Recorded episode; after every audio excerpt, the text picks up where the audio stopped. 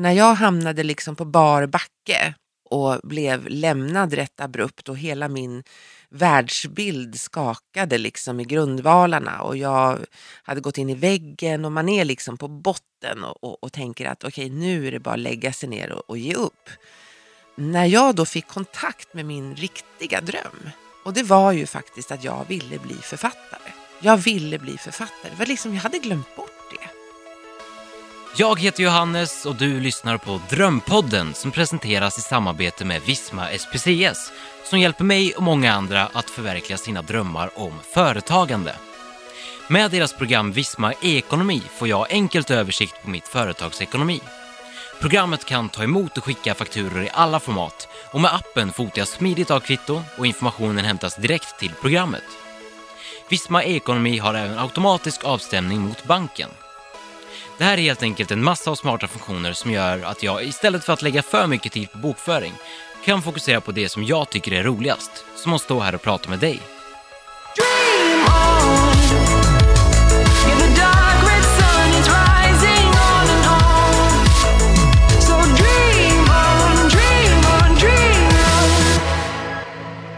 Kristina Stielli är föreläsare inom ämnen som arbetsglädje och medarbetarskap. Det har bland annat lett till att hon utsågs till Årets kvinnliga talare 2014 och 2015 av Talarforums egna kunder.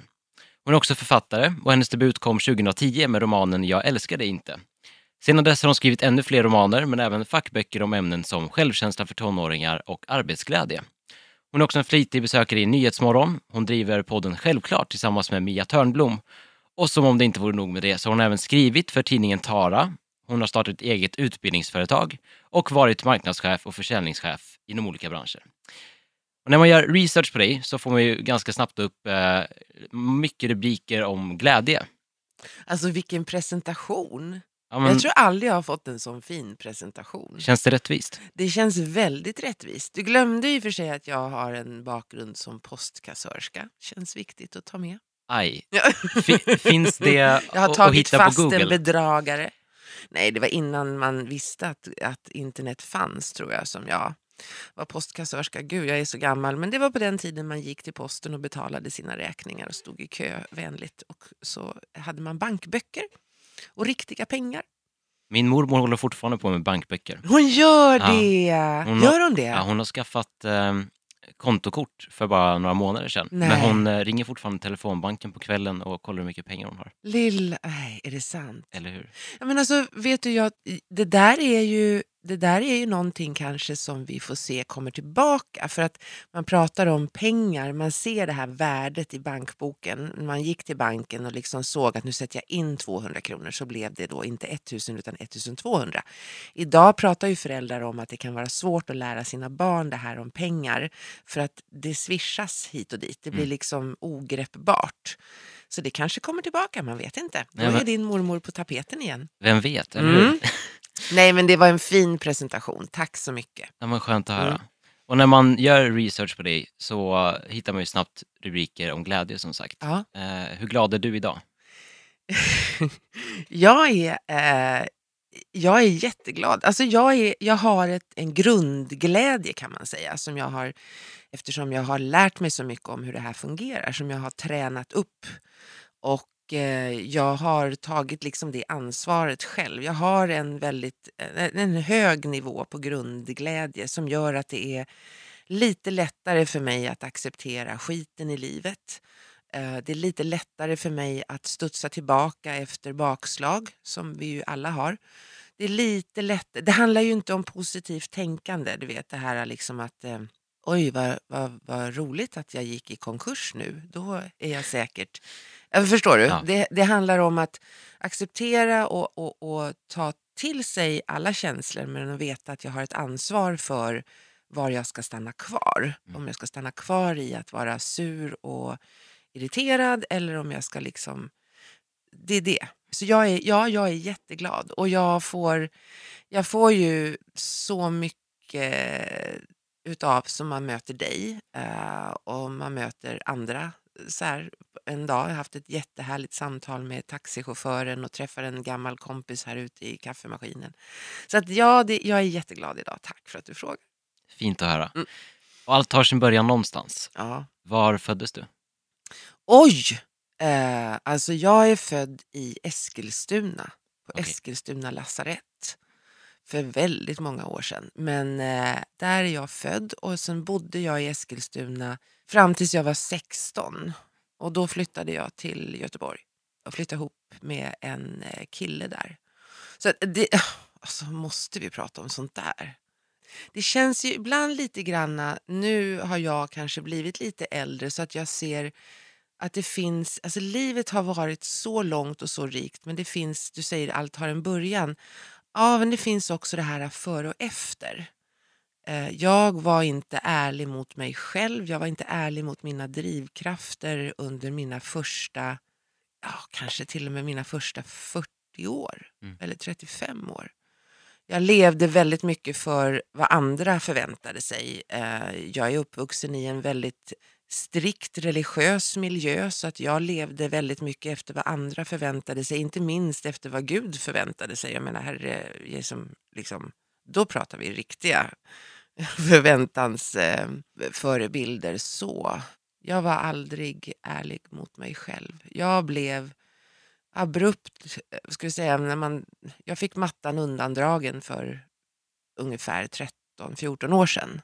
Och det var då lite, där är mitt före och efter. Mm. Det var efter det. Jag har levt mera de senaste 13 åren än vad jag levde de föregående 40, skulle jag säga. Jag kan inte säga att jag ångrar någonting. Min farfar dog ju när han var 85. En vecka innan han dog så sa han att han ångrade sitt liv. Eh, jag ångrar ingenting, men eh, det finns sak... Jag skulle velat vara lite mer ärlig mot mig själv eh, mycket tidigare. Och många av de här tankarna kommer i tonåren. Mm. Och om vi stannar där lite bara. Mm. Vad drömde du om när du var i den åldern? Nej men alltså min, min tonårstid den var så uppfuckad, ursäkta. Alltså, jag hade inte, mina drömmar då är ingenting mot det jag är idag. Det jag drömde om då det var att eh, inte göra någon besviken. Så att jag menar, nej, det, det, det, det är det jag menar. Alltså, min tonårstid det var inte, jag var aldrig, jag tog mitt första glas vin när jag var 22 år. Så att eh, jag var inte ute och, och svirade, jag hade inga drömmar. Eh, eh, jag hade inte det. Jag hade inte fått lära mig att det var okej att drömma. Man skulle vara glad för det man hade och så skulle man hålla käften och vara trevlig och se artig ut och säga god dag till morfar. Det, det var liksom inte, nej, det är, jag har ingenting att hämta där liksom. Var tog din karriär sin början? Jag skulle säga så här att eh, jag hade ju en längtan när jag var 20 kanske, 22. Då tänkte jag så här att det som jag skulle vilja göra det var att jobba på resebyrå. Det fanns resebyrå. Och det fick jag. Och om man börjar där lite grann, där var det om vi pratar drömmar och så. Jag ville jobba på resebyrå. Vad jag inte förstod då var att eh, jag hade så mycket kraft i min, o, min alltså, icke befintliga rädsla. Alltså min, min, jag var inte rädd. Så att jag ringde upp en resebyrå och sa hej, jag tror att ni behöver mig. Och eh, då sa de att ja, det gör vi. Eh, och då fick jag mitt första jobb på en resebyrå 1985 i Göteborg. Det var väl kanske där, där som det började när jag förstod att, då var jag 22, 23 ungefär. Då förstod jag att eh, det fanns, för det första förstod jag att det fanns ett liv utanför kyrkan och det som jag hade växt upp i eh, under de här början, eh, de första 20 åren. Och sen så förstod jag att jag kunde göra någonting. Att jag, alltså jag hade faktiskt en förmåga att bidra till någonting som var jättehäftigt. Så där jobbade jag, det var mitt första riktiga jobb. Innan dess hade jag varit påskassörska och blomsterplanterare. Faktiskt. Okej. Ja. Ja. det visste du inte? Nej. Någon ska göra det också. Nej men så där jobbade jag och eh, eh, fick en, en eh, alltså det var wow. Herregud, jag kan prestera någonting, jag kan göra någonting. Men det var ju fortfarande så här så att där hade ju inte drömmarna riktigt, jag hade inte riktigt förstått att det finns så mycket kraft i drömmarna. Och jag eh, skulle väl säga så här att Eh, när jag hade jobbat där under en tid eh, så började jag snegla lite grann på ett annat jobb som jag var lite sugen på. Det var att jobba på hotell. Eh, och även där, jag har inte ett enda jobb sedan den gången då 1985 har jag fått presenterat för mig, skulle du vilja ha det här? Utan jag har gått ut och sagt att det jobbet vill jag ha. Och då har jag helt enkelt sagt att hej, jag vill ha det här jobbet. Jag satt där på resebyrån i Göteborg och så såg jag eh, lite grann eh, så här, hotellet. Det var ett hotell i Göteborg som, började, som skulle öppna då. Det heter Sheraton. Och eh, där tänkte jag så här, men gud, tänk vad häftigt att få jobba på ett hotell. Och på den tiden så var det så att alla hotell hade sina försäljningsrepresentanter ute på gatan, alltså inte på gatan, på vägarna. Så att alla vi som jobbade på resebyrån, vi skulle då bli uppvaktade av alla hotellrepresentanter. Då kom de med bullar, de skulle överträffa varandra. Så här, det fanns ju, för att vi skulle då, när vi hade någonting i Göteborg så skulle vi boka just deras hotell eller du vet så. Och då var, då, då var säljarna ute och reste. Det var ingen säljare som satt i telefonen och ringde utan då var det personliga möten. Så då hade man så här, okej okay, nu kommer hotellrepresentanten ifrån Resohotells. Nu kommer hotellrepresentanten ifrån hotellet i Luleå och så satt man där och så skulle de visa bilder och så. Och tänkte, ett sånt jobb vill jag ha. Så jag ringde upp till vdn på hotell Sheraton och sa att hej, ni har inte någon hotellrepresentant som jobbar emot resebyråerna i Sverige. Nej det har vi inte, sa han. Då söker jag det jobbet, sa, sa jag. Jaha, så då får du skicka in dina papper. Så fick jag det jobbet. Så att så har det varit eh, hela tiden. Du skapade ett jobb där?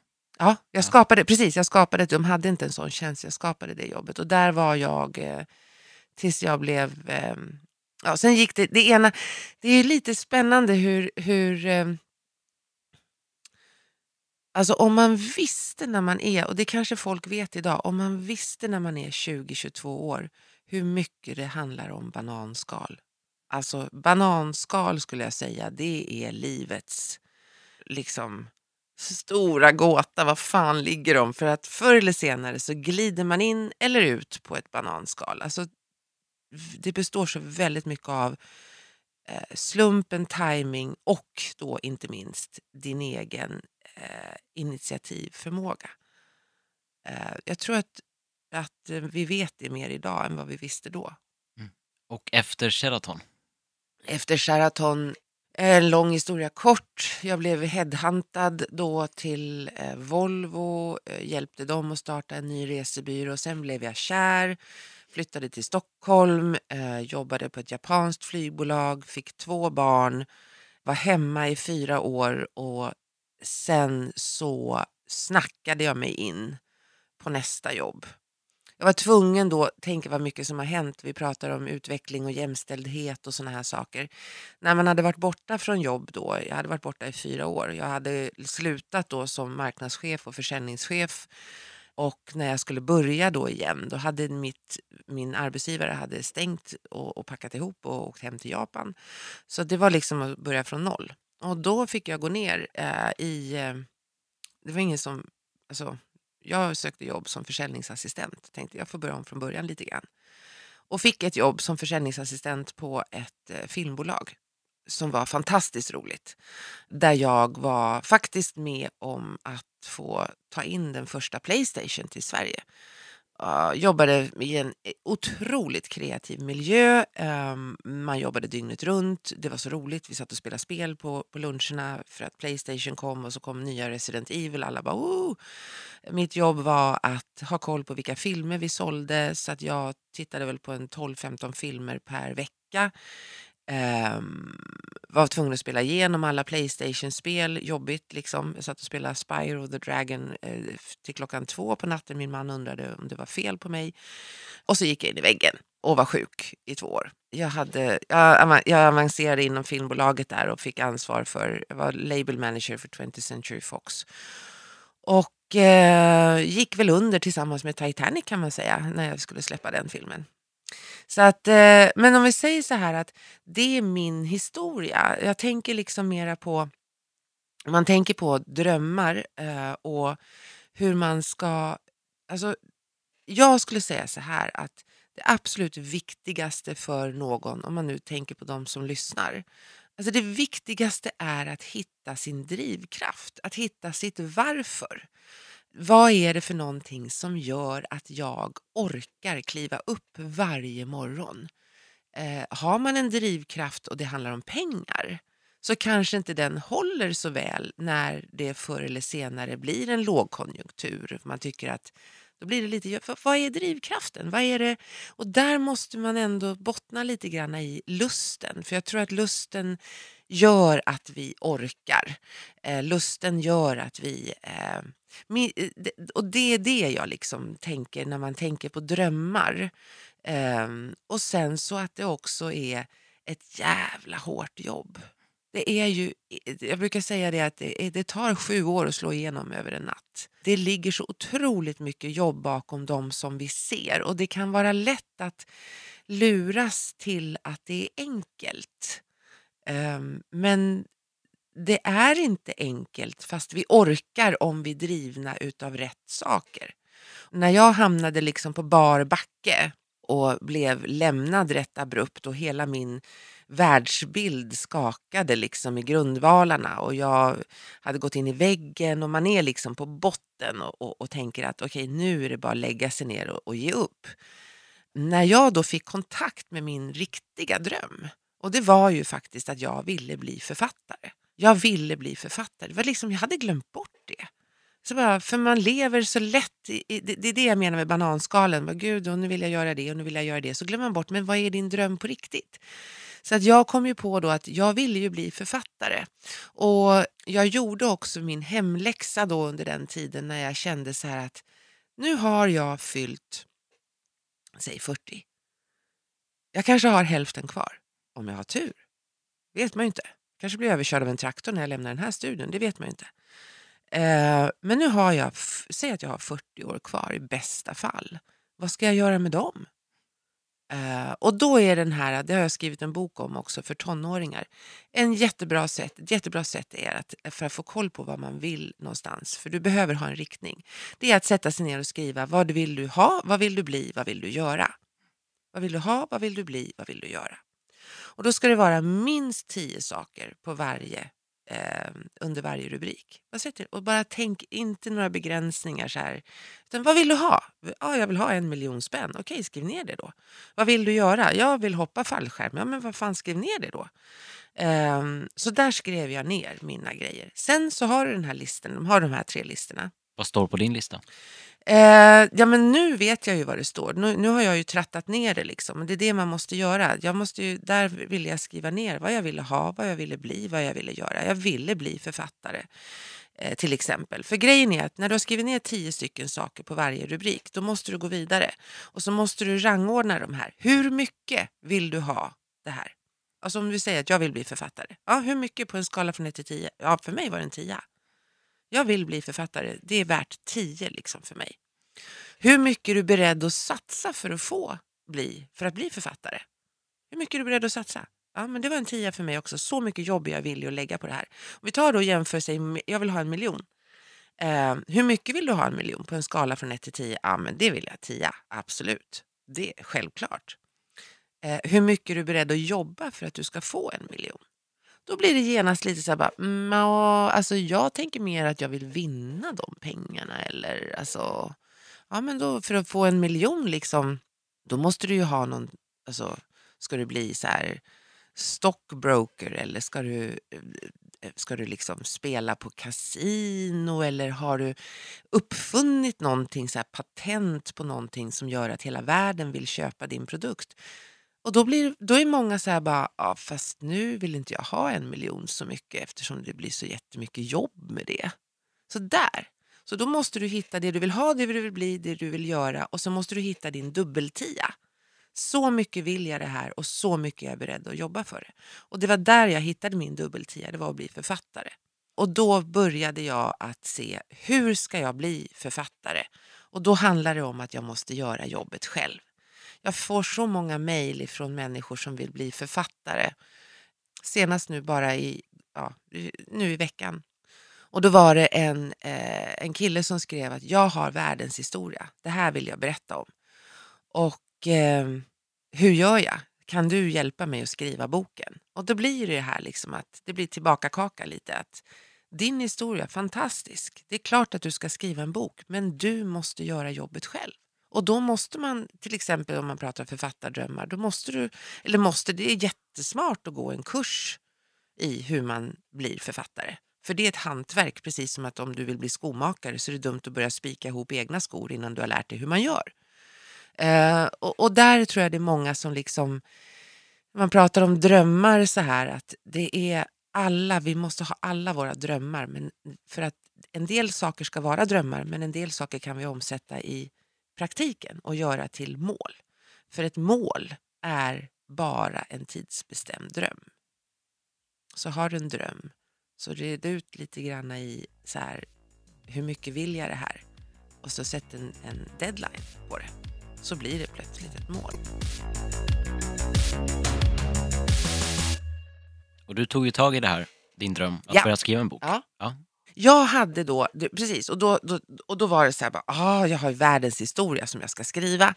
Eh, hur ska jag göra då? Och nu hade jag bestämt mig och jag tror så här, för att ibland så frågar man sig så här, vad är meningen med livet? Ja, men meningen med livet är att fylla livet med mening. Så alltså, försitt inte en enda dag för att inte se vad är det som jag kan göra idag för att jag ska ta mig närmare mitt mål.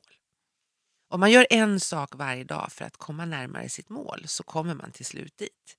Så då var jag så lite grann som en värmesökande robot. Man blir det lite när man säger, okay, skriver upp så här, jag ska bli författare, jag ska ha en bok utgiven senast 2000, eh, vad sa jag? Det ska ta, nej, just det, det här var 2005 och jag sa, inom fem år ska jag ha gett ut en bok. Och det hade jag satt upp på väggen så här, jag ska bli författare, om fem år är jag författare. Ja, då blir man lite som en värmesökande robot. Jag började läsa om författarskap.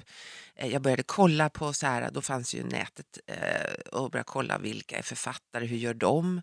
Började liksom mejla författare, skapa lite relationer. Och så gick jag kurser för att lära mig hantverket. Bästa jag gjort i hela mitt liv. Skitkul.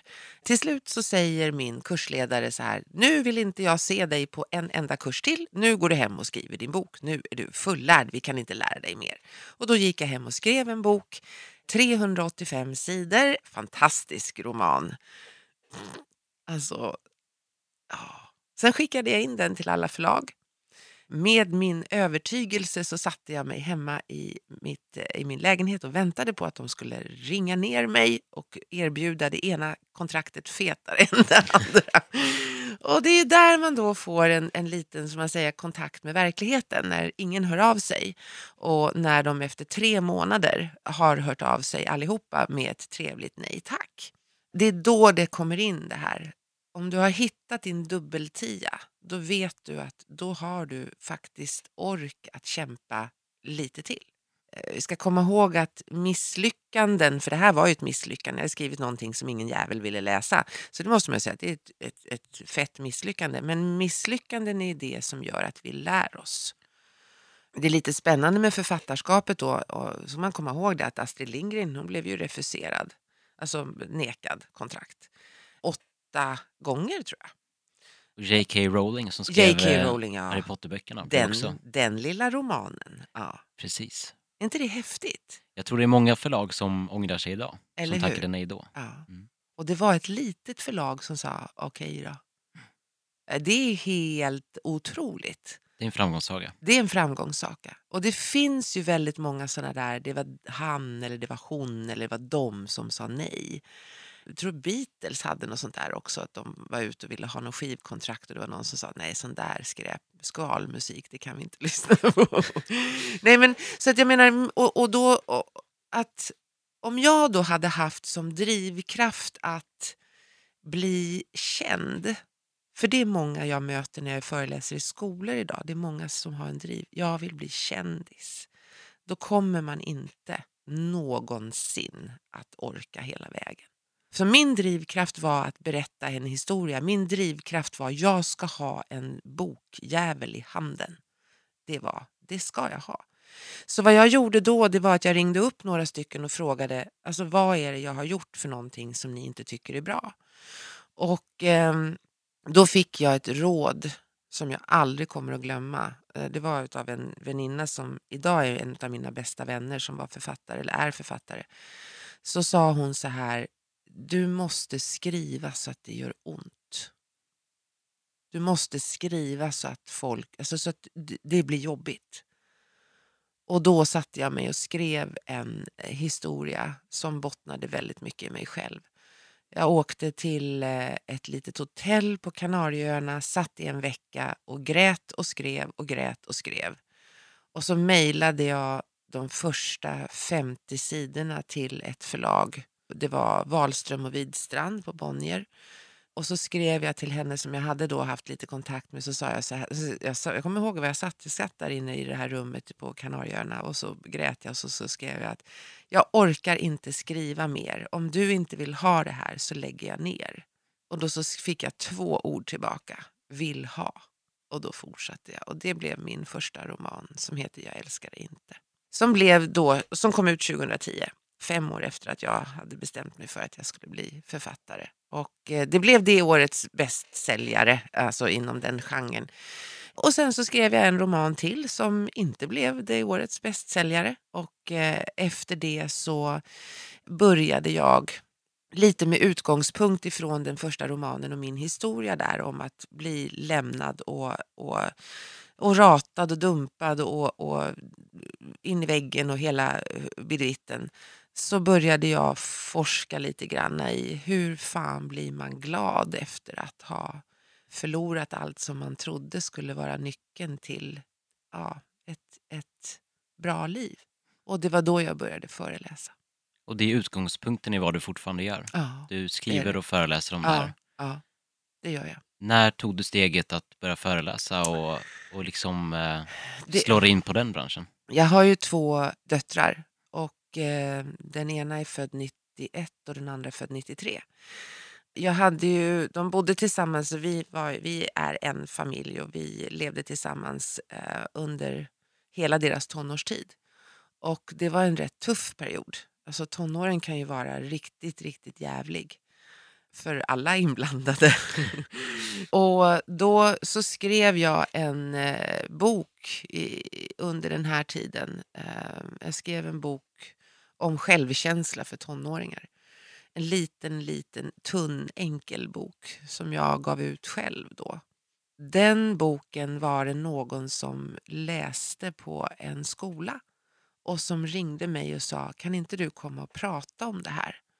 Varpå jag tänkte bara aldrig i livet är du galen, ska jag stå och prata framför folk och ännu mindre liksom ett gäng som går i sjuan. Vet man ju hur glada de är när det kommer någon du, vet- alltså man kan ju liksom så här, ja det ska komma en tant och prata om självkänsla bara, eller hur? Ja men så jag kände så här bara, ja jag kan komma men jag gör det gratis. För jag tänkte då kan de i alla fall inte liksom klaga. och jag kommer ihåg det var i Bromma, en skola i Bromma. Eh, och jag står där bakom scenen och det är alltså 200 ungar som går i sjuan och åttan. Inte den här, alltså det här är ju människor som inte sitter stilla för att de blir tillsagda att sitta stilla. Utan är det dåligt så får man ju liksom bara något, kanske finger i luften. De är ju helt ärliga om man säger. Den andra trotsåldern. Ja, eh, ja typ så. Och, och en underbar ålder. Och den här åldern när man känner, när man liksom inte vet, vad då får jag höra ihop med någon, man ska spela rätt spel, gilla rätt film, man ska ha rätt kläder, rätt, ja du vet allt det här. Så där står jag och föreläser och det blir värsta bästa grejen. Och jag är ju, jag är ju, jag jag är ju, jag är väldigt transparent om man säger. Jag, är, jag tror inte riktigt på det här att man ska försöka vara någon man inte är. Eh, men det kommer ju efter ett tag i livet när man har fått sina smällar. Så att eh, det blev jättebra och eh, rektorn på den skolan hon rekommenderade mig vidare till en annan och så började jag föreläsa i skolor. Det var den absolut bästa skolan att få jobba i. Alltså för att då ska du som jag sa, du ska underhålla eh, och leverera något vettigt till 200 sjukt kräsna eh, deltagare. Och det är så här föreläsning 1, 2, 3, det är tre stycken, det är långpanna, eh, så tre stycken per dag. Och då, då får du lära dig eh, jobbet på ett väldigt bra sätt. Och du tjänar inte en spänn, men du lär dig. Och det är det jag menar, att det tar sju år att slå igenom på en natt. Sen började jag utveckla mina föreläsningar för att jag kände så att det jag lär mig nu och att efter en krasch förstå vad är det för någonting jag kan göra för att mitt liv ska bli Alltså jag måste ju ta ansvar för mitt liv. Vem, vem ska jag vara och vad, vad vill jag med det här? Och, och att också förstå, de, att börja liksom, jag började försöka undersöka lite grann, eh, prata med forskare. Vad är det som gör att vi mår bra? Så ska man, vad är det som gör att vi är glada? Och jag, när jag får lära mig då att glädje inte är en, en eh, egenskap utan att det är en förmåga. Att glädje kan jag träna. Glädje är inte ett resultat av saker som händer i livet. Jag tänkte bara, men herregud, det här måste jag prata om. Och koppla ihop det då med hela min historia. Det var då jag började säga att nu ska jag föreläsa för vuxna människor. Och då börjar vi om från början. Och så sitter jag där vid köksbordet och så ringer jag. Det är grillamarknadsföring. Man liksom tar upp, ringer iskalla samtal. Ingen jävel vill prata med en för alla vill bli föreläsare. Och då så är det samma sak igen. Att jag, jag kuppar in mig på ett företag. Jag kuppar in mig, alltså jag drar en liten lögn. Eh, och plötsligt så har jag tid för audition på eh, Talarforum. Då, då. Och så kör jag min audition där för fyra, fem personer som lyssnar. Och eh, de säger bara, det här vill vi sälja. Vad var det för lögn? Ja, eh, det, var inte en, det var ingen lögn, men det var en kupp. Jag eh, sa det att, för jag frågade, kan jag få komma in och köra en audition hos er? Um, och då så sa de att nej, men det, det går inte. Och då så sa jag till en av mina bästa vänner, vet du vad? Ring till det här företaget och så frågar du, hej, vi skulle vilja boka Kristina Stielli, har ni henne som föreläsare? Och så gjorde hon det. Och eh, ja, jag ska inte avslöja för mycket, men eh, det var då som de tänkte att oj, henne måste vi lyssna på. Snyggt. Mm. mm. Ingen tog skada. Precis. Nej, men så det handlar lite grann om att, eh, och det är det jag kommer tillbaka till, den här drivkraften. Eh, det handlar inte om, det här är viktigt, min väninna, eh, eller min, en av mina absolut bästa vänner Mia, hon har skrivit en bok som är otroligt viktig när det gäller de här sakerna. Den heter Ta plats med ansvar och generositet. Det handlar aldrig om att ta plats på någon annans bekostnad. Det handlar om att ta plats genom att ge eh, att alltid vara, att göra det med eget ansvar, att aldrig trampa på någon. Och det är det jag kan känna lite grann när jag ser mig omkring idag. Att många tror att det här handlar om att jag ska göra det på någon annans bekostnad. Eh, det kommer du aldrig att komma till mål i med. Aldrig. Eh, det är nämligen så vi funkar. Att eh, i nätverk, i grupper grupper, i konstellationer så handlar det om att du når dina drömmar om du gör det med ansvar och generositet. Eh, att du gör det med eh, omsorg. Att du alltid gör det med att tänka på vad kan jag ge den här personen? För att om du hittar rätt, sen kan du hitta fel. Jag är helt medveten om att jag har jag har gjort mycket med generositet för andra människor och så märker jag att nej, det fick inte så mycket tillbaka där och då är inte det någonting som jag kanske väljer att ha kvar. Så mitt nätverk består bara av människor som ger och tar med ansvar för sig själv och de man har runt omkring sig. Det är då man lyckas. Mm. Men att drömma, om man nu, eftersom det här heter Drömpodden, drömma är så otroligt viktigt. Och jag tror att, att drömma, det finns drömmar som ska vara drömmar och så finns det drömmar som man, som jag sa då, kan förverkliga. Och att fantisera, att aldrig, aldrig sluta vara nyfiken. För allt stort som har hänt i världen har börjat i någon människas fantasi. Det var Astrid Lindgren som sa det. Allt stort som har hänt i världen började i någons fantasi. Och det kanske inte finns så mycket nytt, så här bara oj, att komma på en, en, en sån där sak som bilen eller ett runt eh, hjul. Så. Men det finns nya saker genom att koppla ihop två saker. Alltså, du kan koppla ihop någonting av en sak som redan finns med någonting av en annan sak som redan finns. Det finns nya saker hela tiden. Så allting som har hänt i världen började i någons människas fantasi. Jag tänker på de här kaffekopparna Jag håller i en sån här pappmugg som man ser överallt. Liksom. De här fanns inte när jag var... Hur gammal är du? Jag är 20. ah, nej gud, det här fanns inte. När, man var, när jag var 20 år då drack man kaffe ur eh, porslinskoppar, fanns inte muggar. Och så bryggde man kaffe möjligen om man hade fått köpt en. Så det här, tänk nu så här, nu har jag så här pappmuggar. Eh, vet ni, alltså jag har en idé. Tänk om man skulle göra kaffe som man sålde i såna här pappersmuggar så kunde folk köpa som typ olika storlekar och ta med sig kaffe. Är inte det en rolig idé? Ja! Det kanske man skulle göra, men hur ska man göra kaffekoppar? Ska man göra dem i för material? Ska man göra plast eller papper? Någon har ju suttit och kommit på det här. Mm. Och myten tror jag säger att det var Starbucks. Några stycken, tre stycken som, som startade Starbucks. Undrar om det också var de som kom på den här irriterande frågan om att eh, vill du ha en större storlek för bara en femma extra? Exakt, det var. Eller de som kom på ska du ha mocka, locka, chatte, latte. Alltså du vet. Vad fan, när jag var 20 år då fanns det kaffe. Punkt. Mm. Mjölk möjligen, men verkligen inte så här skum på. Så att någon, all, alltså allting, det är samma som med Steve Jobs som förändrade och Apple som förändrade våra liv. Alltså vi har telefoner som vi kan, alltså det är ju som en sån här superdator som någon sa i slutet på 60-talet eller början på 60-talet som sa så här att en sån superdator kommer att finnas en per land. Det är vad vi behöver. Nu går vi runt med såna och fotograferar våran frukost. Liksom. Så att dröm stort. Och hjärnan älskar stora så bombastiska drömmar. Om du drömmer om att bli bra på engelska så säg inte så här att, sätt inte upp målet och säg så här jag ska bli bra på engelska. Utan skriv om målet så att jag ska bli världsbäst på engelska. Det Hjärnan älskar sådana saker. Så att eh, dröm stort och jobba arslet av dig. Lever du din dröm idag? Ja, det gör jag. Hur ser en vanlig arbetsdag ut?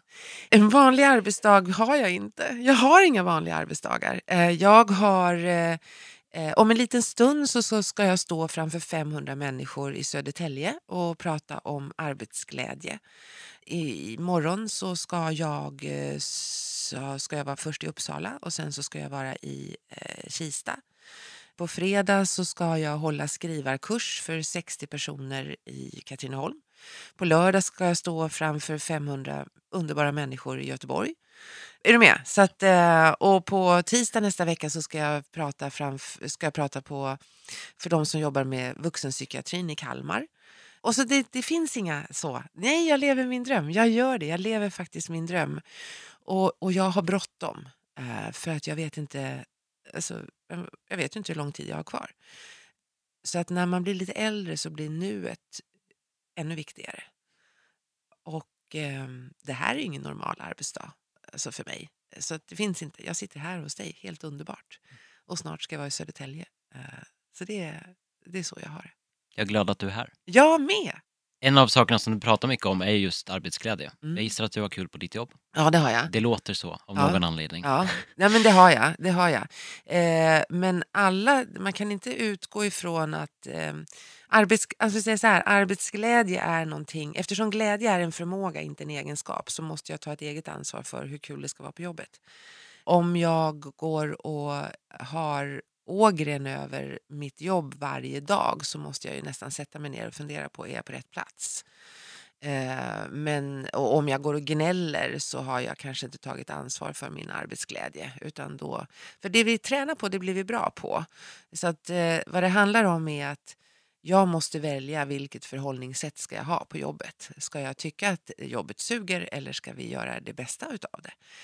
Eh, för att eh, det finns så otroligt många, de som är våran, de som är backbone i samhället, de som är de stora hjältarna, det är de som har de tuffaste jobben.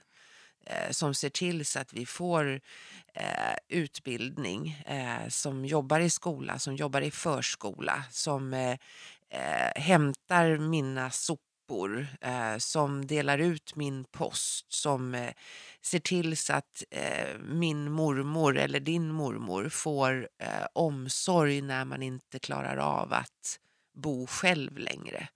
De som mår dåligt, de som råkar ut för olyckor, de som skyddar och, och hjälper oss när vi behöver det. De är min viktigaste grupp på det sättet att de kanske inte alltid kan gå runt och askarva på jobbet. Eh, de kan inte jobba hemma. Du vet, så här, ja, jag jobbar hemma idag. Det funkar inte så bra om man är brandman. Liksom. Så att det, det, de, där ser jag att jag har så mycket jag kan göra för att vi ska förstå att om jag tränar på att gå runt och gnälla över att jag har dålig lön och det är så mycket taskiga arbetstider, det är så dåliga förhållanden, eh, kaffe smakar skit, dörrarna gnisslar eller mitt schema är helt eh, sjukt, då kommer jag inte att kunna ha någon form av arbetsglädje. Då har jag liksom sett till så att jag skapar sämre förutsättningar. Men om jag istället kan liksom se på det som faktiskt är bra och, och jobba mera på den sidan. Eh, det är det jag pratar om jättemycket. Och det är både en makt och en frihet som jag har som, som människa, som individ, att, att ta det ansvaret. Och det kan jag göra. Vad gör man om man inte är nöjd med sin tillvaro? Eh, man får väl fråga sig själv, åter tillbaka till det här med drivkrafter. Eh, det är ingen, tror jag, som jobbar inom vård och omsorg som gör det för att de vill tjäna pengar snabbt eller blir rika på kuppen. De har en, eh, oftast en drivkraft där man vill hjälpa, man vill göra gott. Man, man, alltså där har man en drivkraft. Eh, och jag skulle säga att om man har koll på den så vet man lite mera hur man ska göra. Så då håller man ut på jobbet. Om jag säger så här att, jag säger så här att om du under två veckor jag skulle ge det två veckor. Om du under, eller säg en månad då för att ta det lite enkelt. Om du varje dag under en månad känner att fan jävla jobbskit. Då är du på fel ställe. Skulle jag säga. Då, då kanske man ska backa tillbaka. Vad var det jag ville ha? Vad vill jag bli? Vad vill jag göra? Var är mina drömmar någonstans? För det är väldigt lätt att åka vidare på det där bananskalet som gjorde att man hamnade på en plats en gång. Och sen glömmer man bort, ja just det, vad är det jag ville göra? Så att eh, jag tycker att det är, det, det är synd om man inte, om man inte liksom om man känner 30 dagar i sträck, liksom bara, nej. Jag lyssnade, eller jag kollade på, jag tror att det var Idol, den här audition som var nu hösten 2017. Jag vill minnas att det var någon kille där som sa att jag har gått till jobbet, nu återger jag det här kanske helt fel, men jag minns att han sa att jag har gått till jobbet och haft så jävla ångest varenda dag. Jag hatar mitt jobb, typ sådär. Och han hade ju en dröm, han ville ju bli sångare, han ville ju bli artist. Och det var sådär att, ja vad bra. Att, för han, jag tror han sa upp sig tog han ju tag i det också? Han tog tag i det, ja exakt, det är det jag menar. Och, och nu säger inte jag att oj, nu ska du iväg och säga upp dig från jobbet. Men man kan backa tillbaka lite grann och säga att okej, okay, det här är dagar som går. Ska jag lägga dem på att ha ångest över mitt jobb eller ska jag se lite grann, vad finns min drivkraft? Vad är det jag vill? Och, och jag har en väninna som, eh, hon är på sitt jobb. Hon är inte helt det är lite spännande där för hon är inte helt så här jag älskar mitt jobb och jag har så kul. Inte så. Men hennes drivkraft är att vara nöjd. Och det är också okej. Okay. Ja, men jag är nöjd med mitt jobb. Och jag älskar mina helger när jag får umgås med min man och när vi får umgås med våra kompisar. Jag älskar att eh, jag får gå till min häst i stallet eh, och rida. Och det handlar inte om att jag är nöjd. Det, det är ett helt underskattat ord. Men var nöjd. Men, men om man inte är nöjd, då tror jag att då kanske man ska se över. Gör en liten revidering. Det är lite grann som eh, man får se sig själv som ett, ett företag. Okej, okay, mår företaget bra eller ska vi ändra på någonting? Uh, och livet är inte de dagar som, man brukar säga så här, livet är inte de dagar som har gått, det är de dagar man minns. Det är det fan heller. Livet är precis de dagarna som går. Och, och det märker man när man blir äldre, att det blir liksom uh, mer krispigt i det avseendet. Mm. Och en annan sak som du pratar mycket om är stress och utbrändhet. Mm. Uh, och jag vet att både du och jag har erfarenhet av av det här. Mm. Hur balanserar du livet? För jag antar att eftersom man har så kul på jobbet så antar jag att det är väldigt enkelt att bränna ut sig när man gör någonting som är kul och det som man gör på fritiden också är jobb. Mm. När det blir en diffus skillnad där. Mm. Det finns ju, eh, jag skulle säga två saker som är lite, eh, lite elementära eh, om man ska prata om stress. Nummer ett, det finns, eller kanske tre saker. Det finns aldrig tidsbrist. Det finns alltid 24 timmar på dygnet. De 24 timmarna måste du fördela på något sätt. Det är åtta timmars jobb. Eh, Vi vuxna ska ha sju timmars sömn. Eh, har man ett hushåll så måste man lägga på fyra timmars hemarbete. Du behöver ha en timme till och från jobbet kanske. Och när du sitter och gör den ekvationen så ser du att då har du tre timmar över. Har man, är man dubbelarbetande, har flera barn och, och aktiviteter per barn och, och man vill ha AV och egen tid och Netflixa och yoga så börjar man se att oj, nu kanske jag måste planera om. Så det behöver man göra en läxa på. Sen finns det ingenting som heter negativ och positiv stress. Det finns stress som är utan återhämtning och så finns det stress som är med återhämtning. Eh, vi är, eh, stress är livsviktigt. Stress är det som gör att jag får saker gjorda. Stress är det som gör att jag tar mig hit eller dit. Stress är det som är ett fundament för att jag ska kunna prestera. Men utan återhämtning så är det livsfarligt. För att då bränner du ut. Det är lite grann som att Alltså, det är så jävla enkelt. Alltså, har, du, har du 20 liter i tanken så kan du inte köra 50 mil. Du måste in och tanka någonstans. Det fattar vi. Men det är samma sak, alltså det, det är precis samma sak som med, med stressen. Där tror vi att ja, men det går, det är bara att kavla upp ärmarna, multitaska, eh, spring lite fortare. Nej, det är ingen som har en kropp som klarar av det. Så det är punkt. Och det är bara så jäkla korkat att tro att det räcker att kavla upp ärmarna eller, eller man sitter på toaletten och så tvättar man golvet samtidigt. Eh, så här bara, gud vad jag är proffsig. Nej, det, det, det, lägg ner. Du måste ha återhämtning. Och om man inte, det här med att gå in i väggen, det kommer aldrig plötsligt. Utan då har kroppen larmat. De första larmsignalerna är att du börjar sova dåligt. Du inte kan somna, somna att du vaknar vid fyra rycket och inte kan somna om. Det, då har kroppen börjat larma. Om man väljer att ignorera det, fine, då är du på väg in i en, på en farlig väg. Om du börjar notera det, då måste du dra i handbromsen. Och så läs på. Vad gör jag för att återhämta mig? Du är ute i skogen, lyssna på musik, lägg dig på soffan och läs en bok i 20 minuter. Har du svårt för att ligga på soffan och läsa en bok i 20 minuter, då har du ett problem. Då har du kommit för långt i stressen. Då har kroppen svårt för att, att, att kyla ner aggregatet som håller på att explodera. Sen är det så här att när man har gått in i väggen, det kallades för vägg på min tid, 1997 tror jag det var. När du har gått in i väggen så kommer du aldrig tillbaka. Det är själva grejen med att gå in i en vägg. Att man ska förstå, okej okay, den där vägen gick inte att gå. Utan du kommer till en annan plats. Du blir aldrig samma igen. Och det är inte sämre, det blir bättre. Men det är en jävla resa och högt pris. Det är en lärdom. En, ah, jag hade inte, så här, jag tror att du håller med mig. Man önskar inte sin, man önskar ingen att göra det. Men man skulle aldrig vilja vara utan det. Man måste någonstans hitta sitt maxtak. Ja, Och det behöver inte gå så långt att man faktiskt springer in i väggen. nej, Men man måste också på något sätt hitta den där maxgränsen. ja. För att veta någonstans vad man klarar av. Ja, absolut. Och sen är ju det här med stress också baserat på olika saker. För min del så var det ju en prestationsbaserad självkänsla som gjorde att jag brakade. För att jag upplevde att om jag inte presterar så är jag ingen. Och då måste man prestera på högsta nivå för att få bekräftelse. Och utomliggande bekräftelse, alltså bekräftelse som kommer utifrån, det kommer aldrig att göra att din självkänsla blir hel, utan det måste komma inifrån.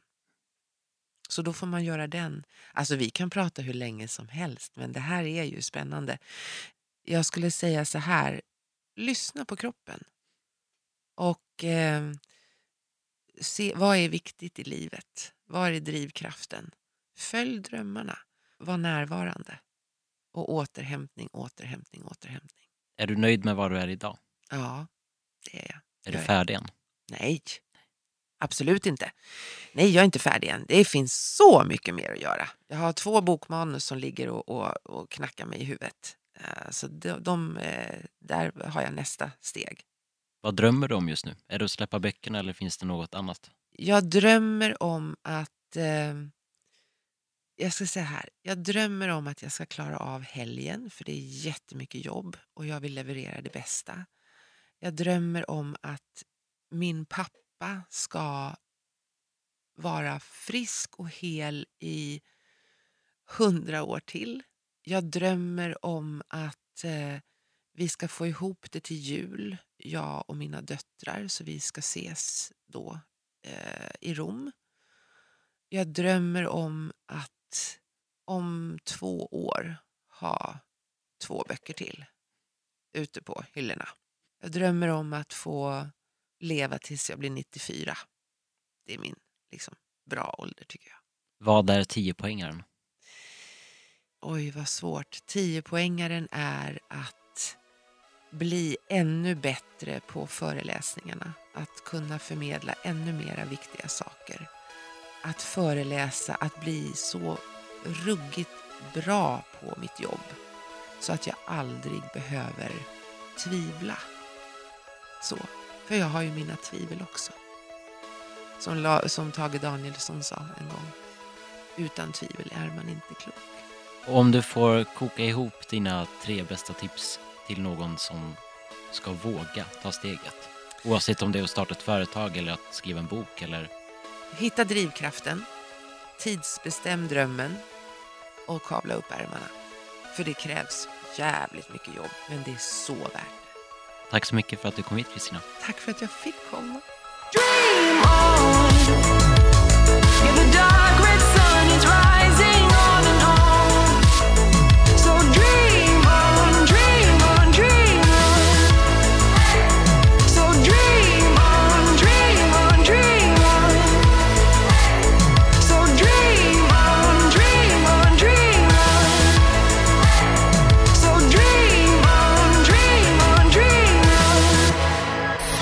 Dream on. produceras av I Like Radio. I like radio.